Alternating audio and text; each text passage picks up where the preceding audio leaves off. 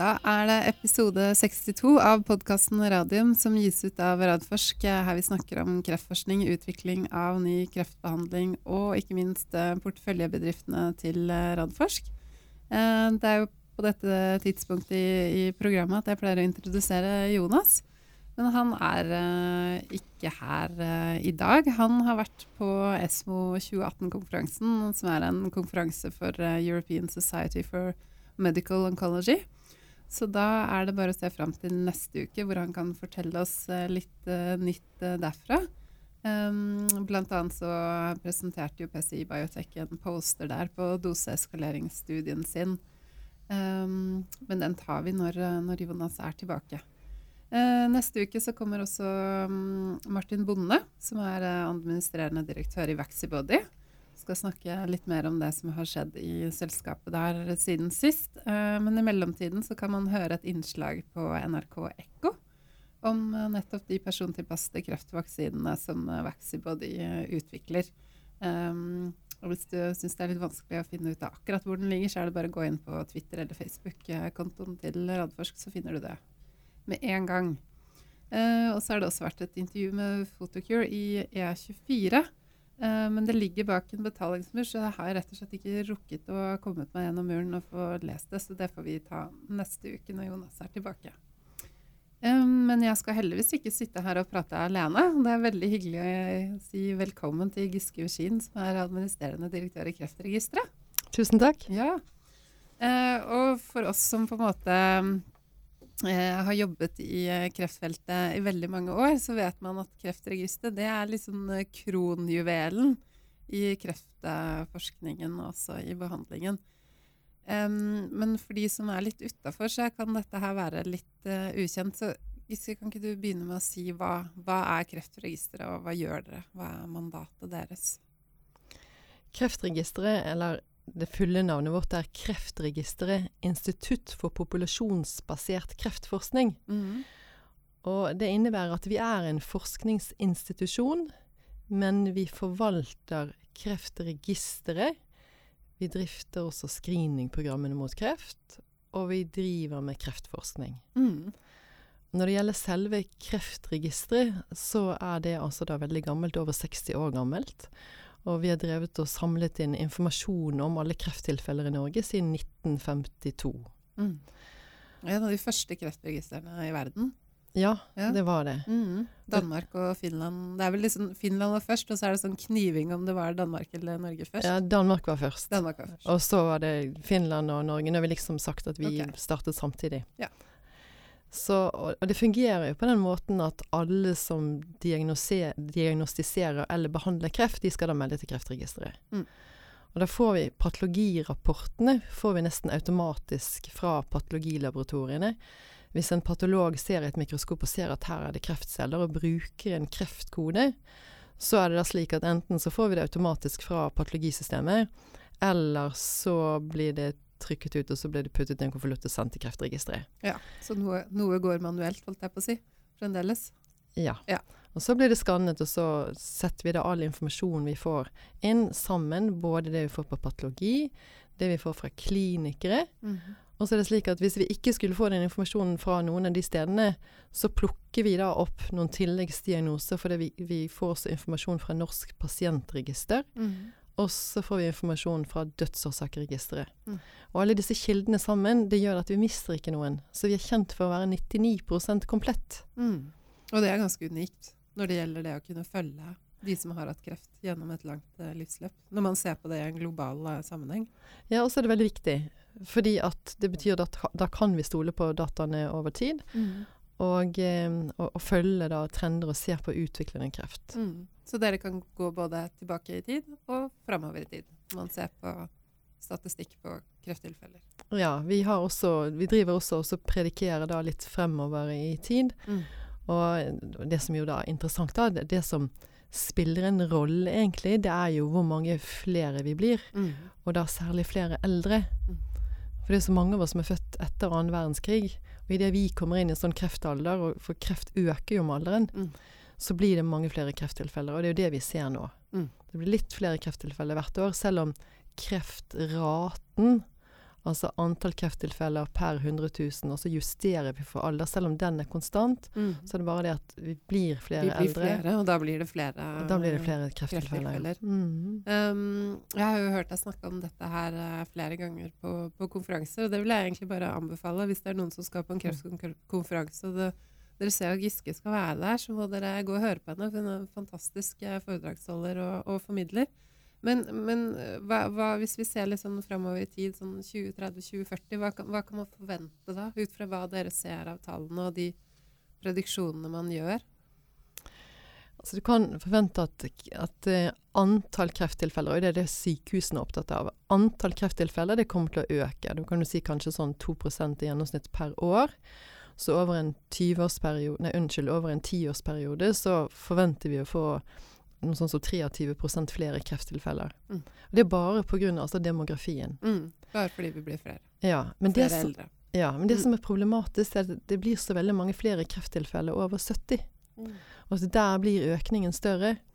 Og det er jo en del av befolkningen som ofte har flere kroniske sykdommer, som er vanskeligere å behandle osv. Så, videre. så det blir en større belastning på sykehusene fremover, selv om vi prøver å gjøre mer og mer poliklinisk. Mm. Og selv om kreftbehandlingen blir, blir bedre, så vil man nødvendigvis ha bivirkninger eller senvirkninger ofte, som, man, som jeg vet eh, Kreftforeningen har mye fokus på nå. Ja, det er absolutt også tilfellet, og det vet vi heller ikke så veldig mye om. Vi vet at det er masse seneffekter, men vi, vi, vi følger ikke med. Vi, vi plukker ikke opp sånn på en sånn god statistisk måte. Hva er det som skjer nå? Er det plutselig blitt noen nye seneffekter og sånn? Mm. Det har vi rett og slett ikke data på. Og så vet jeg det, når du snakker, så er du veldig opptatt av forebygging. ja. Hva kan man gjøre for selv for å forebygge kreft? ja, det aller viktigste er jo dette med røyken, da. Mm. Den må man røyke. bare stumpe. Ja, den må Ja. man stumpe. Mm. Og så må man da heller ikke begynne, hvis man er da ung, så må man ikke begynne å, å røyke sigaretter. Mm. Og vi er også bekymret for snus, men altså ikke røyke sigaretter. Mm. Og hvis man røyker, så er det veldig viktig å huske på at det er aldri for sent å slutte. Mm. Så det har vært faktisk gjort beregninger da på, på altså hvor lang tid tar det før man ser en nedgang i kreftforekomst. Det er noen som har sett på hvor mange tilfeller kan man forebygge. Hvis alle sluttet å røyke i dag, Mhm. altså hvis Norden ble røykfritt, så er det da en gruppe med nordiske forskere som har beregnet at da vil det være altså 400 000 færre krefttilfeller Mm. i 2030. Mm. Det er og, det, ganske og, det, mange. og det er liksom gjengs innenfor kreft. Dette er ikke bare lungekreft. Dette, det de gjorde i denne forskningsgruppen, det var at de tok 13 krefttyper som er kjent for å ha en sammenheng med, med røyking. Mm. Altså lungekreft selvsagt en av dem, blærekreft osv. Masse kreftformer. Mm. Og så så de på hvor mange krefttilfeller kan vi forvente å ha av disse 13 typene innen da altså, i, altså 30 år fra nå. Og da fant jeg at det var ca. 2 millioner. Jeg tror det var 2,2 millioner. Mm. Og så har de da gjort beregninger på hvis alle stumpet røyken i dag Mm. Og da, altså, da vil det bli 400 000 færre krefttilfeller. Mm. Så det er også omtrent 20 Mm. Det er helt enormt. Ja, det er det. Kjempe, kjempemye. Men jeg har inntrykk av at folk er blitt, blitt bedre på det der. Har de ikke det? Det er færre som, som røyker da. Det er flere som snuser da. Jo, det er færre som røyker, og det som Mm. er veldig gledelig, at det er jo færre, Færre av de unge. Mm. unge særlig. Men eh, altså, dessverre så har vi veldig mange eh, menn og kvinner som har en solid røykehistorie, og Mm. at vi vet at vi får mye lungekreft fremover også. Mm. Og det er også det vi ser. Det har jo stabilisert seg hos menn. Um, når de, nå tenker jeg på liksom kreftforekomsten, kreftraten. Mm. Men for kvinner, og særlig de eldste kvinnene, så s- går det fremdeles oppover, dessverre. Skjønner. Er det noe annet man kan gjøre da, utenom å stumpe? Hvis man ikke røyker, hva skal man gjøre da? Bruke solkrem, selvfølgelig. Ja, men det er liksom røyking og røyking og røyking, Ja, altså passiv røyking. Det er liksom det som er de første fire. Og så er det dette med, med kroppsvekt. Mm. Altså vi blir jo tjukkere og tjukkere. Det er sånn, ja, det er flere som blir overvektige, men hvis du ser på befolkningen, så er det sånn at vi blir jo alle sammen liksom rundere. Mm. Og det syns jeg er litt morsomt. Det er hvis man går og ser på gamle filmer, altså filmer fra sånn Mm. 60-70-tallet. Eller bilder. Hvis ser bilder av uh, moren min og søsknene hennes, de var spiktynne. Ja, ikke sant? Ja. Eller James Bond, for eksempel. -hmm. Hvis du liker James Bond-filmer, så Mm. hver gang jeg ser på noen av de gamle, så slår det meg at i all verden, de var jo så tynne. Mm. Og det, og det er jo ingen av oss som er sånn lenger. Og det, og, og det er nok veldig viktig. Fordi at det er jo så mange av disse kreftformene som vi ser da mye av, som nok er Som vi vet er livsstilsrelatert. Mm. Altså tarmkreft, f.eks., Mm. som er et stort problem i Norge. Det er jo livsstilsrelatert. Mm. Så knytta til den maten, eh, maten vi spiser, at vi ikke, ikke beveger oss. Absolutt. Mm. Og så er det nok noe å gjøre med liksom, hva er man bygget for? Mm. Og kanskje er ikke vi bygget for å tolerere den velstandsutviklingen som vi har hatt. Ja, og så ikke minst det å sitte så mye stille som man gjør på et uh, kontor. Ja, der er du Ja. inne på én ting til Ja. vi kan gjøre. ikke sant? Bevege oss mer. Mm. 30 minutter rask gange hver dag. Mm. Minst. Minst. Ja. Ja. Det har også eh, en god del å si. Mm. Og så sa du solkrem. Mm. Ja, veldig viktig. Mm. Ikke bli solbrent. Mm. Det er eh, ekstremt viktig. Mm. Og der husker jeg mine foreldre slumsa med det når jeg vokste opp. altså. Det er jeg irritert over. Det er deres skyld. Ja. det er jo sånn som når man var på påskeferie og sola steika jo, man gikk jo av gårde, ikke sant. Og hadde jo nesten ikke solkrem på seg i det hele tatt. Ja, det, det er veldig har viktig. forandret seg. ja. Mm. Og så er spørsmålet er vi flinke nok nå med våre barn. Og har vært flinke nok med å lære dem gode solvaner i oppveksten. Mm. oppveksten. Og er, er folk blitt flinkere til det? det? Jeg vet ikke. Nei, Jeg vet ikke hvordan det er i barnehagene nå. Er man flinke det er der? man flinke, syns jeg. I hvert, fall som akkurat hatt uh, tvillinger som er ferdig i barnehagen. Så de har vært veldig veldig, veldig flinke på det. Jeg er mer usikker på skolen, men for der har man liksom ikke den samme kommunikasjonen og kontrollen og Da må vi oppmuntre mm. skoleansatte til å ta tak i dette her. Ja. Mm. For det er veldig viktig. Det er dette her med å og det- En ting er solkrem, men det er også dette med å oppsøke skygge. Mm. Og særlig hvis man reiser til sydligere strøk. Da bør man rett og slett sitte i skyggen når man er på stranden. og så bør man da egentlig gå inn midt på dagen. Gå og ta seg en hyggelig lunsj midt Mm. på dagen. Mm. Og så heller gå ut igjen litt utpå ettermiddagen når solen ikke er så sterk. Mm. Det er sant. Ja. Så det, det er det, det vi ikke skal gjøre. Skal være forsiktige med solen. Vi skal ikke røyke, og vi skal spise, men vi skal spise sunnere og bevege oss mer. Ja, så er dette med at vi, Mm. vi må heller ikke spise for mye. Mm. Sånn, så det, det er altså måtehold. Spise fornuftig, Mm. og ikke spise for mye, og bevege oss mer. Mm. Um, jeg vet at du har en eh, skal, Jeg vet ikke om man skal kalle det en drøm for, uh, for kreftregisteret, eh, eller, eh, eller en visjon. Eh, og det er det at du har lyst til å gjøre det til et eh, persontilpasset kreftregister. Hva, hva ligger det i det? Jo, nå er det jo sånn det at eh, når en pasient får kreft, eller tilbakefall i kreft, så ønsker jo vi at legene umiddelbart skulle få tilgang til informasjon som vi sitter på i Kreftregisteret om den pasienten fra før. For det er jo da flere og flere av oss som da får én kreft, og så får vi en til, osv. Og, så og det hadde vært veldig greit for legen som nå sitter med denne pasienten, å vite hvilken krefttype var det forrige gang, Mm. og hva var behandlingen forrige gang? Og Det høres kanskje merkelig ut at dette ikke ligger i en sånn fellesjournal, men det er jo ikke en fellesjournal i Norge. Så det som skjer i dag, er at kreftlegen må da, da hvis ikke det var han eller henne som behandlet denne pasienten sist, så må denne kreftlegen da enten gjette seg til det, eller begynne med sånn detektivvirksomhet. Mm. Og det er jo egentlig meningsløst. Ja, det er virkelig meningsløst. vi sitter jo på den informasjonen på Kreftregisteret. Sånn at det jeg kunne ønske, at vi kunne da få til å faktisk dele den informasjonen med, med kreftlegene. At de detaljene på hva en pasient fikk av sykdom sist, det kan være veldig viktig. For det, det vi ser jo er at, at folk flytter på seg. Mm. Og det er det som skaper problemer. Mm. Og da går de kanskje til behandling nå på et nytt sted, og det var ikke der de fikk sin forrige kreft diagnostisert og behandlet. Mm. Og det skaper mye trøbbel. Mm. Så vi det vil jo er gjerne veldig bidra. frustrerende for de legene som sitter der og skal gi den beste behandlingen til den personen som har kommet inn gjennom døra også. Ja, Mm. absolutt.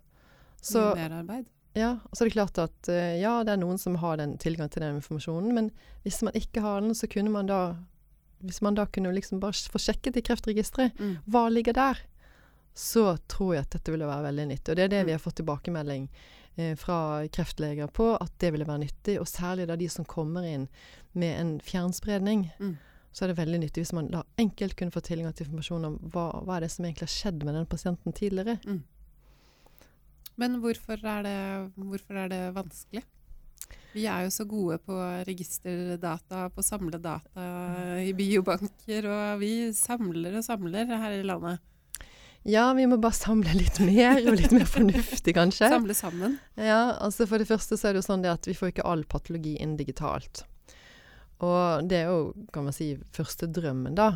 At vi skal slutte med disse her eh, papirrapportene. Det er jo helt idiotisk at noen sitter på et sykehus, legger det inn i et eh, system lokalt, og så er det ikke noen måte å kommunisere da med oss digitalt, sånn at de må Altså de trykker ut papirrapporter og sender til oss, eller legger i en kartong og får kjørt til oss.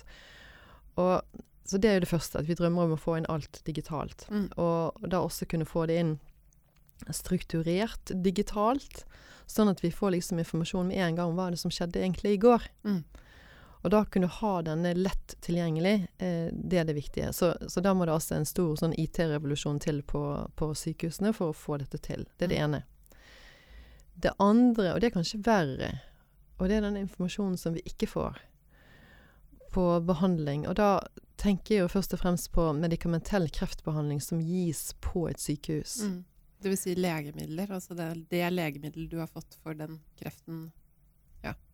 Ja, det er det legemiddelet som du har ofte fått intravenøst. Det kan Mm. være kjemoterapi, det kan være immunoterapi, det kan være sånn, så nyere, litt mer spesifikk behandling. Mm.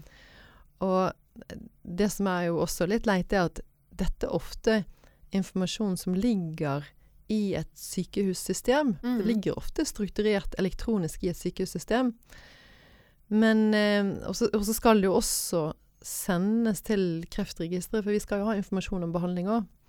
Men eh, det er altså ikke tekniske systemer for å få det på plass. Mm. Så det har jo vi sagt at det må komme på plass. Mm. Og så må vi få inn den informasjonen både til Kreftregisteret og til Reseptregisteret. Mm. Så her trengs det et veldig stort digitalt løft. Mm. Både Men, men som jeg har skjønt fra deg når du har snakket om dette tidligere, du snakka bl.a. om det under Arendalsuka, hvor du hadde en, en seanse sammen med Jonas, så er ikke dette kjempevanskelig å få til? eh, Nei, det er alltid litt Sånn, farlig sånn, farlig å sånn- si. Nei, men hvis, for da, da beskrev du som om dette er å få inn en ekstra kolonne i systemet hvor man allerede sitter og registrerer eh, opplysninger på, på pasienten. Altså, det er litt vanskeligere enn det har jeg etter hvert skjønt. Da. Men, ja, men det er klart at Tenk to kolonner. ja, tenk deg når noe ligger digitalt i et system, Mm. så må man jo kunne klare å lage spesifikasjoner på hvordan den informasjonen som ligger der For det er jo samme informasjon som ligger på de ulike sykehussystemene. Det er jo navnet på medikament og dos og så videre Man må jo kunne lage spesifikasjoner ganske greit som sier at denne informasjonen Det er ganske begrenset informasjon, men denne informasjonen den skal faktisk sendes videre til et nasjonalt register. Mm. Og så må da den informasjonen kunne tas, tas imot. Så det er klart at det er både infrastruktur som må bygges da for å kommunisere med de ulike RHF, altså regionale helseforetak, IT-systemene. Og så må det bygges noe infrastruktur både på Kreftregisteret og Reseptregisteret. Mm. Og jeg tror at, at det siste det kreves bare tid og ressurser, det er mulig. Mm. Men det som er utfordringen i det hele, det er å få til ny infrastruktur som kan kommunisere med de regionale helseforetakenes systemer. Mm. Det ser jeg på som den store bøygen. Mm. Så altså, håpet er jo at, at alle skjønner at dette er jo så viktig. Mm. Fordi at, altså, hva er det vi bruker nå på medikamentell kreftbehandling? Jeg syns du sa før vi gikk inn i studio at det var tre milliarder i, i året. Ja, to eller, to eller tre milliarder Mm. eh, i året. Og, det, og da virker det helt meningsløst at vi ikke har informasjon om den. For det, vi vet jo ikke egentlig hvor god den er. Nei. Og så Mm. vet vi ikke om, om Får du samme behandling hvis du går på et sykehus på Nordvestlandet som Mm. du ville få på Akershus? Mm. Universitetssykehus? Mm. Vi vet ikke. Nei, og det er jo kjempeviktig. Én, å vite at, eh, at, man får den behandlingen man skal ha. Og at man kan følge opp og se utfallet av den, av den behandlingen. og så vet jeg også det, fordi Jonas var med deg når du snakket om dette under Arendalsuka, at og som han sa da, dette betyr jo en masse for de som utvikler kreftbehandling også. I hvert fall nå som innenfor immunterapi man får, tester det ut på, på, færre personer. Og så trenger man å følge opp disse personene for å se effekten over lengre, lengre tid. Ja, ja, så, sånn at den informasjonen dere etterspør her, er jo på en måte litt sånn vital i det å ut, utføre og, og, utvikle kreftbehandling også. Ja, absolutt. Og så mm. ser vi det at um, nå er det jo færre kliniske forsøk som, gjør, som gjøres før noe blir godkjent. Mm. Og da stilles det jo forventninger til at man skal sjekke hva er egentlig effekten i etterkant. Ja. Og vi har en enorm mulighet, mm. fordi at med personnummeret vårt så, så, kan vi da finne ut hva det egentlig som har skjedd med denne pasienten. Og vi har denne muligheten både i Norge og i de andre nordiske land. Sånn at hvis vi da kunne liksom bare, få utnyttet potensialet ved at vi også fikk inn informasjon om medikamentell kreftbehandling gitt på sykehus, mm. til de registrene vi har, så ville det være et enormt potensial for, um, for uh, også for industrien. Mm. Og det er klart at dette er et problem som alle de nordiske land har. Det er ingen som har dette på plass. Det er ingen som har det på plass. Nei. Men uh, uh, vi har begynt å, å, hva skal vi si, pirke litt i problemet mm. og ta det opp nasjonalt. Og, og, det jeg hører da fra våre nordiske kollegaer, at det er sånn som de bare kunne drømme om. Sånn at eh, det er nok noen der som kanskje håper at hvis vi kunne få det til, så eh, Så klarer så dere å de få utløst det i de andre landene også? Ja. Mm. Men eh, vi trenger veldig mye drahjelp hvis vi skal få dette til. Vi ja. må jo få det til. Ja. ja men det er jo det, til det beste for alle. Både pasientene og de som behandler, og ikke minst de som utvikler eh, behandling. Så dette burde jo være en, en enkel sak. Ja, det burde det. Og så tenker vi også at det, det er også interessant for, for, uh, både for industrien og for mange forskere å prøve å finne ut hvem er det som har sånn enorm god effekt av noen av disse mm. behandlingene. Ja. Og vi har jo biobanker som man da kunne koble opp mot mm. og, og, gjøre forskning på. Vi har jo også blodprøver som er tatt av, av uh, fremtidige pasienter. Mm så, som er tatt liksom mange år i forkant. Um, det er mulig å få fatt i vevsblokker i dette landet fra mm. de ulike patologilaboratoriene. Sånn at det er så enormt potensial for forskning for å prøve å finne ut hvem er de som nå har en enormt lang mm. overlevelse på noen av disse nye medikamentene. Mm. Og kanskje omvendt, hva er det med de som, hvor det ikke fungerer? Er det noe annet vi kan bidra med her i Norge med hensyn på forskning, for å mm. prøve å identifisere da hva er det som skjedde hos de som ikke eh, Altså de som, som, ikke hadde effekt av medikamentet. Mm. Ja, det er kjempe, kjempeviktig, og ikke minst i en tid hvor, hvor, behandling blir mer og mer persontilpasset. Det er jo snart en forventning nesten når man går inn på et sykehus at du skal på en måte få en behandling som er uh, tilrettelagt uh, deg selv. ikke sant? For det er jo det man leser om ofte, ofte i media, at uh, nå er liksom medisinen blitt mer og mer eh, persontilpasset. Men um, Men det er et sånt gap der, ikke sant? For ja, ikke sant? vi forventer det. Mellom hva som er i forskningsfronten, og hva som faktisk er, er mulig når du får, uh, får, behandling. Ja, og hvis mm. du ser på, Jeg så på noen av disse studiene som, var, som fikk mye presse i forbindelse med den europeiske kreftkonferansen nå. Mm. Og da begynte jeg å se på det, for jeg tenkte ja, men dette har jo vært i behandlingsretningslinjene noen år. Og når du da går inn og ser på når studien egentlig var gjort, så noen av studiene er gjort litt lengre tilbake i tid. Mm.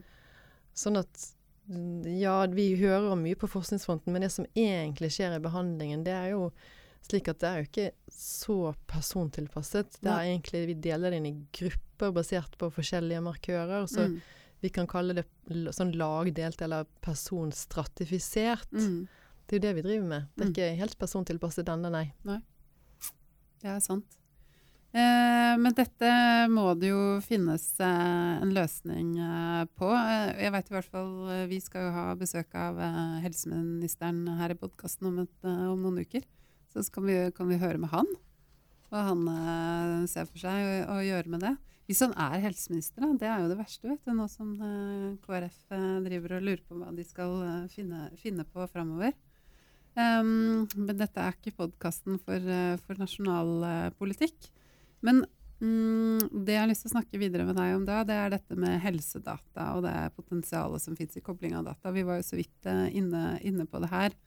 Men, uh, og jeg vet at dere er involvert i masse forskjellige forskningsprosjekter, men dere har et spesielt uh, samarbeidsprosjekt med et amerikansk forskningsinstitutt som heter Lawrence Livermore Lab. Kan ikke dere, du fortelle litt mer om det samarbeidet, for det er veldig spennende. Ja, Det er veldig spennende, og det er veldig interessant. fordi at måten det ble satt opp på, det var jo ved hjelp av Kjetil Widerberg fra Oslo mm. Cancer Cluster. Et veldig tilfeldig møte, har jeg hørt hans fortelle. Ja, han har fortalt at han hørte på et helt fenomenalt foredrag eh, på en studietur han var på i, i jeg tror det var i California. Ja, han var i California. Jeg er usikker på om det var LA eller San Francisco. Det var en av de byene i hvert fall. Ja, så var det noe med at han, hadde hørt det foredraget, og en som heter Galeb Abdullah, som ga dette foredraget. Og Kjetil løp da ut parkerings, på parkeringsplassen etter ham omtrent, og de hadde en, da en lengre konversasjon der. Og jeg tror Kjetil spurte da denne amerikanske forskeren, som er da veldig god på, altså på, på stordataanalyser og supercomputere. Kjetil spurte ham om han noen gang hadde tenkt å gjøre, dette, gjøre noe med helse. Mm. Og så snakket de litt om det, og så fant Kjetil ut at uh, måten å løse dette på, det var jo bare å få overtalt noen av oss til å, å, komme på et møte. Så han fikk invitert oss da til et, et møte i San Francisco. Så vi satt hos uh, generalkonsulen i San Francisco. Mm -hmm. Og da var det noen, av, noen uh, kreftforskere, og så var det et par av oss fra Kreftregisteret. Og så var det da noen av disse forskerne fra denne føderale forskningsinstitusjonen Lawrence Livermore. Og da vi hadde snakket litt, så, så skjønte vi det at her satt det jo virkelig ekspertise på altså stordataanalyser, og de har jo noen enormt kraftige computere ved Lawrence Livermore. Mm. Altså De har jo computere som er jo altså, forferdelig mye kraftigere enn noe av det vi har noe annet sted i verden, etter det jeg skjønner. Mm. Så, så, begynte vi å tenke da, og så var det Jan Nygaard hos oss som sa at ja, men vi har jo alle disse dataene. Um, og vi har jo da data på screeningprogram også mot kreft. Og akkurat da så hadde vi snakket veldig mye om hvordan kan man gjøre screeningprogram mot kreft mer effektive. Mm. For nå får jo alle sammen samme type screening, uansett hva man har i sin, uh, sin historikk, hadde jeg nær sagt, på, på tidligere, tidligere screeningundersøkelser. Og da fant vi ut at vi har data. De har supercomputerne, og så har vi da litt kompetanse som overlapper. Mm. Så det var begynnelsen på et forskningsprosjekt på å prøve å finne ut hvordan kan man gjøre livmorhalsscreening smartere. Mm. Og det som også er da ekstra morsomt, er at dette prosjektet, det, det var jo veldig nytt på mange måter. Og det skjønte jo da da lederne i denne avdelingen og meldte det oppover. Og det var mange som fattet interesse for dette prosjektet. Mm. Så til slutt så var det Department of Energy syntes det var morsomt. Og eh, noen nevnte det for eh, da visepresident Joe Biden. Mm.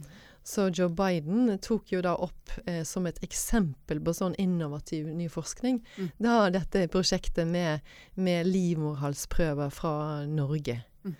Så han snakket om det. Det var en cancer moonshot det var en sånn Cancer Moonshot-talen sin, ikke sant? Ja. ja. Mm. Så det var jo helt fantastisk å tenke. Altså, det begynte altså med en samtale i en parkeringsplass. Det er Ikke sant. Tilfeldig. Det er veldig gøy. Du, nå er jeg litt nervøs for at ikke du har den uh, helt oppe. Hvis den driver og skyver ned, så kan du ta stolen din nedover. Men, men og, og, og, disse fra Lawrence Livermore Lab, de var jo akkurat her i, i Oslo på besøk hos dere? Ja, så det som da skjedde, at det prosjektet det pågår, og vi har hatt to forskere der borte i seks måneder. Mm -hmm. Og nå er det jo flere som er interessert, så nå har vi begynt å snakke om hvilke andre typer forskningsprosjekter kan vi gjøre. Og da har vi også noen sånne store registerkoblinger, hvor vi har tatt den informasjonen som vi har fra Kreftregisteret, og så har vi da fått uh, godkjenninger til å koble dem opp mot informasjon fra Norsk pasientregister. Mm. Og da kan vi få litt, vite litt om, om da eh, forskjellige andre tilstander som, som, da en del av oss i befolkningen eh, måtte ha.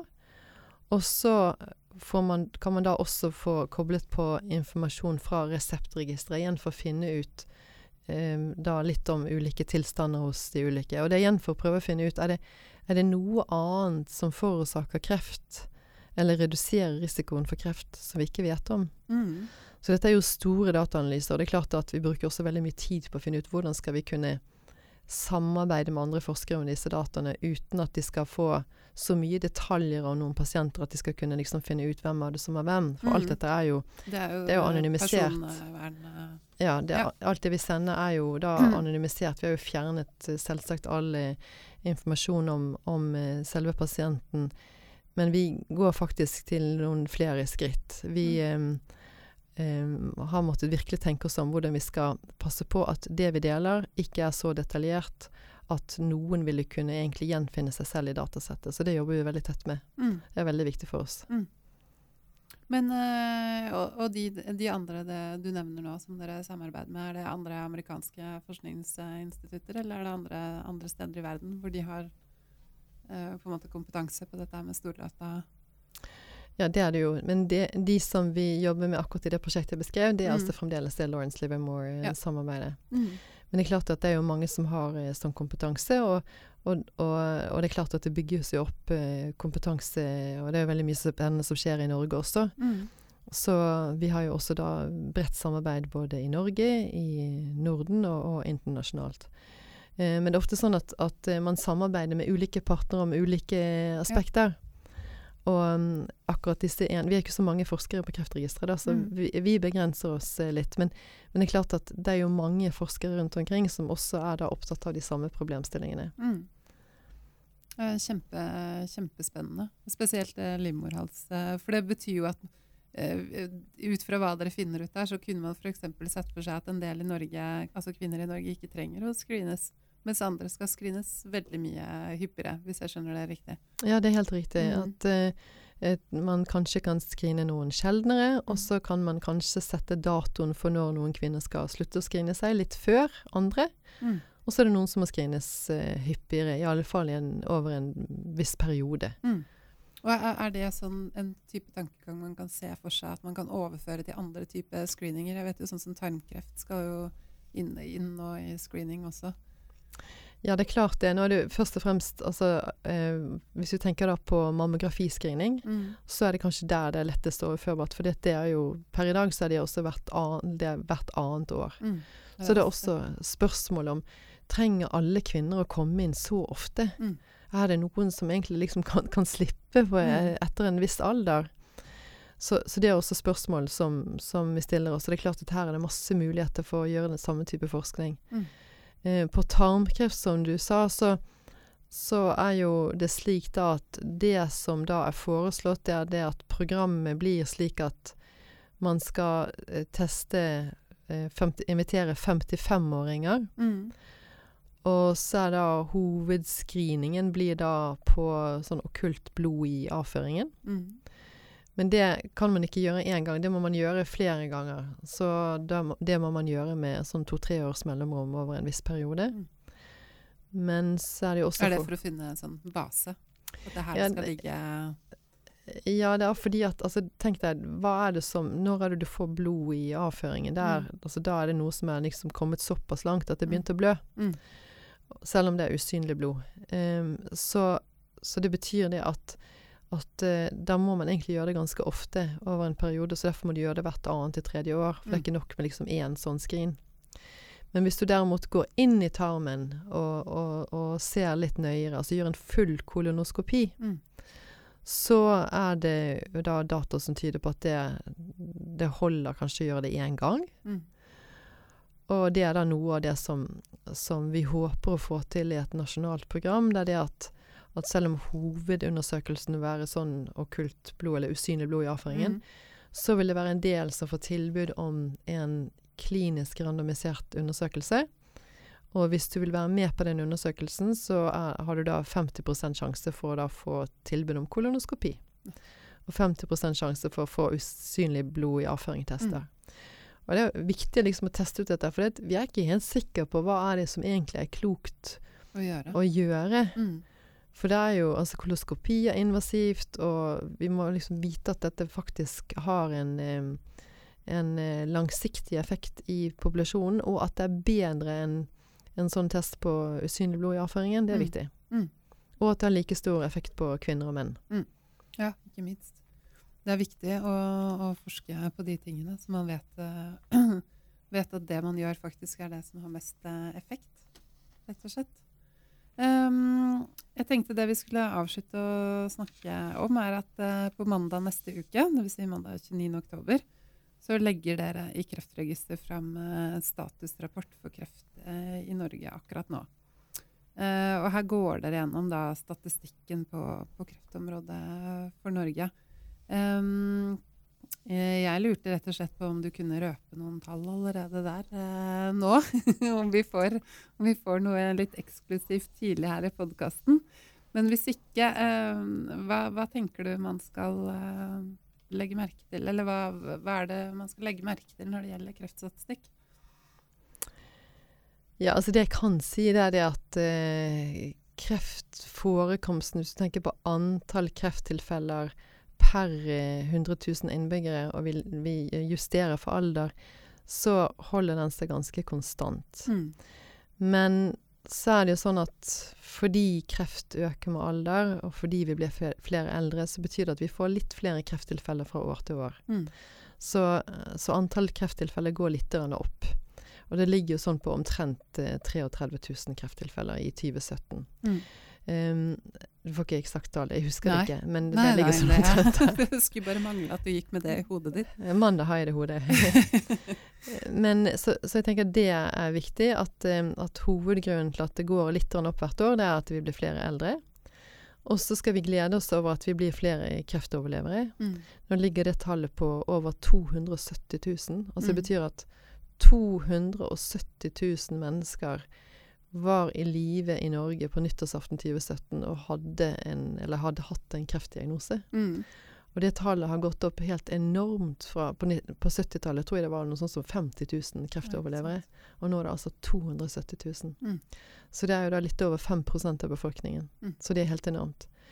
Um, det betyr også da at at forebygging er jo veldig viktig også i den gruppen. For har Mm. man hatt en kreft, så har man øket risiko for å få en kreft til. Mm. Så det er viktig.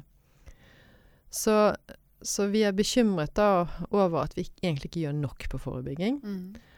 Og, og det er klart at det kommer vi til å vektlegge. Og da er det da er disse kreftrådene som vi snakker om, og det som vi snakket om, med røyking og fedme og fysisk aktivitet og soling og sånn.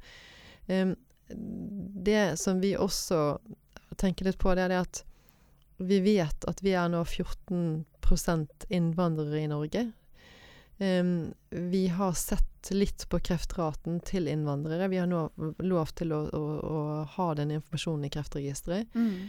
Uh, og vi tenker at vi begynner å publisere noe tall på det til neste år. Men det vi ser, det er at østeuropeere de har høy lungekreftrate.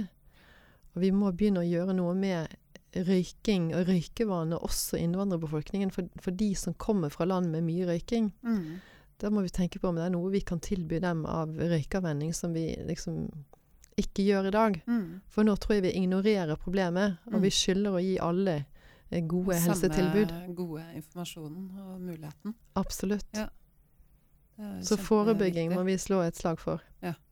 Rett og slett. Ja, men det, det tror jeg vi har gjort eh, gjennom det du har fortalt eh, her i dag. Eh, hvor viktig det er å tenke gjennom hva, hva, man, hva man selv gjør. Eh, men så kan man jo ikke skyve under en stol at kreft kan jo også oppstå helt spontant. Um, uten Ja, altså- at man, altså selv om man lever så asketisk eh, som bare det. Ja, det er veldig viktig at du sier det. Mm. Og så er det sånn at, at eh, det er snakk om uflaks og sånn. Jeg vil si at alle som får kreft, har hatt uflaks. Mm. Altså, nei, man trenger ikke få kreft selv om man er storrøyker. Og man kan få kreft selv om man eh, ikke røyker i det hele tatt. Det er veldig viktig. Mm. Så det er klart at flaks spiller en enorm rolle i dette her. Mm. Og, og man er veldig uheldig eh, hvis man får kreft. Men så er det jo sånn at, at veldig mange av oss vil etter hvert få kreft. Mm. Um, og da er man uheldig der og da, og så må man gå gjennom en behandling, og så, og så gå videre. Um, og, og av og til så er det sånn at særlig de sakene som trekkes frem på fjernsynet, er ofte sånn, det er sånne helt ubegripelige. Hvorfor i all verden har denne personen fått kreft? Mm. En ung person som plutselig får en sånn typisk sånn livsstilskreft, som du skjønner jo at denne personen har jo ikke noen av disse risikofaktorene. Og det ser vi jo veldig ofte. Mm. Men altså, når vi ser på gruppenivå, så kan vi liksom sammen gjøre noe. Hvis vi klarer å få, å få håndtert noen av disse risikofaktorene, så kan vi redusere forekomsten. Mm. Og det er altså da særlig røyking som er viktig. Mm. Det er aldri for sent å slutte. Jeg tror vi skal la det, la det være siste ord og siste oppfølgingen. Eh, lykke til med framleggelsen av eh, den viktige kreftstatistikken eh, på mandag. Tusen takk for at du kom i studio, Giske. Tusen takk for at du fikk være med.